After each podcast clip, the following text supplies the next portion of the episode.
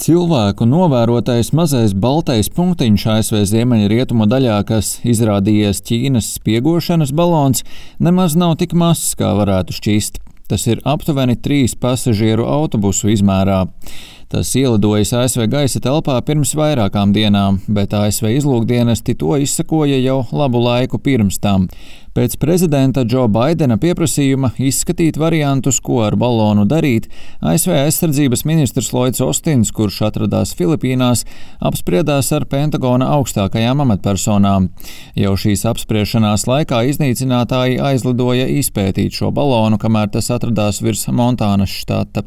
Pentagona amatpersona norādījusi, ka balons paredzēts novērošanai, un pašreizējā lidojuma ceļā tas lido virs valsts ziemeļrietumiem, kur atrodas slepenas aviobāzes un strateģisko raķešu pazemes glabātavas. Situāciju telekanālam CNN raksturoja Cedriks Leitons, CNN militārais analītiķis un atvaļināts ASV gaisa spēku pulkvedis. Šis ir kaut kas, ko mēs saucam par nukleāro triādi, kas sastāv no bumbvedējiem, raķetēm un zemūdenēm. Un divas daļas no šīs triādes ir tiešā šī ķīniešu balona ceļā.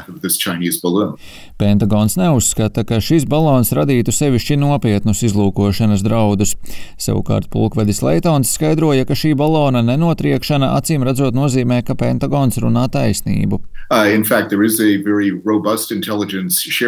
Būtībā starp Krieviju un Ķīnu ir ļoti robusta dalīšanās ar izlūkošanas informāciju. Tā tad viena no lietām, par ko ir jāpadomā, kad apspriežam balona notriekšanu, kāds diplomātisks fiasko tas varētu būt. Tas varētu radīt vēl lielāku spriedzi, iespējams, varētu tikt zaudētas dzīvības uz Zemes. Šīs ir lietas, kas ir jāizvērtē. Ja viņi tic, ka spēja mazināt šo datu vākšanas nozīmību un nodrošināt drošību, tad parasti šīm lietām tiek ļauts lidot tālāk un nonākt līdz to īpašniekam. Ķīna ir sūtījusi novērošanas balonus uz ASV arī iepriekš, bet šī ir pirmā reize, kad kāds no tiem tik ilgi atradies ASV gaisa telpā. Zināms, ka vēl lielākā augstumā debesīs atrodas arī Ķīnas spiegu satelīti.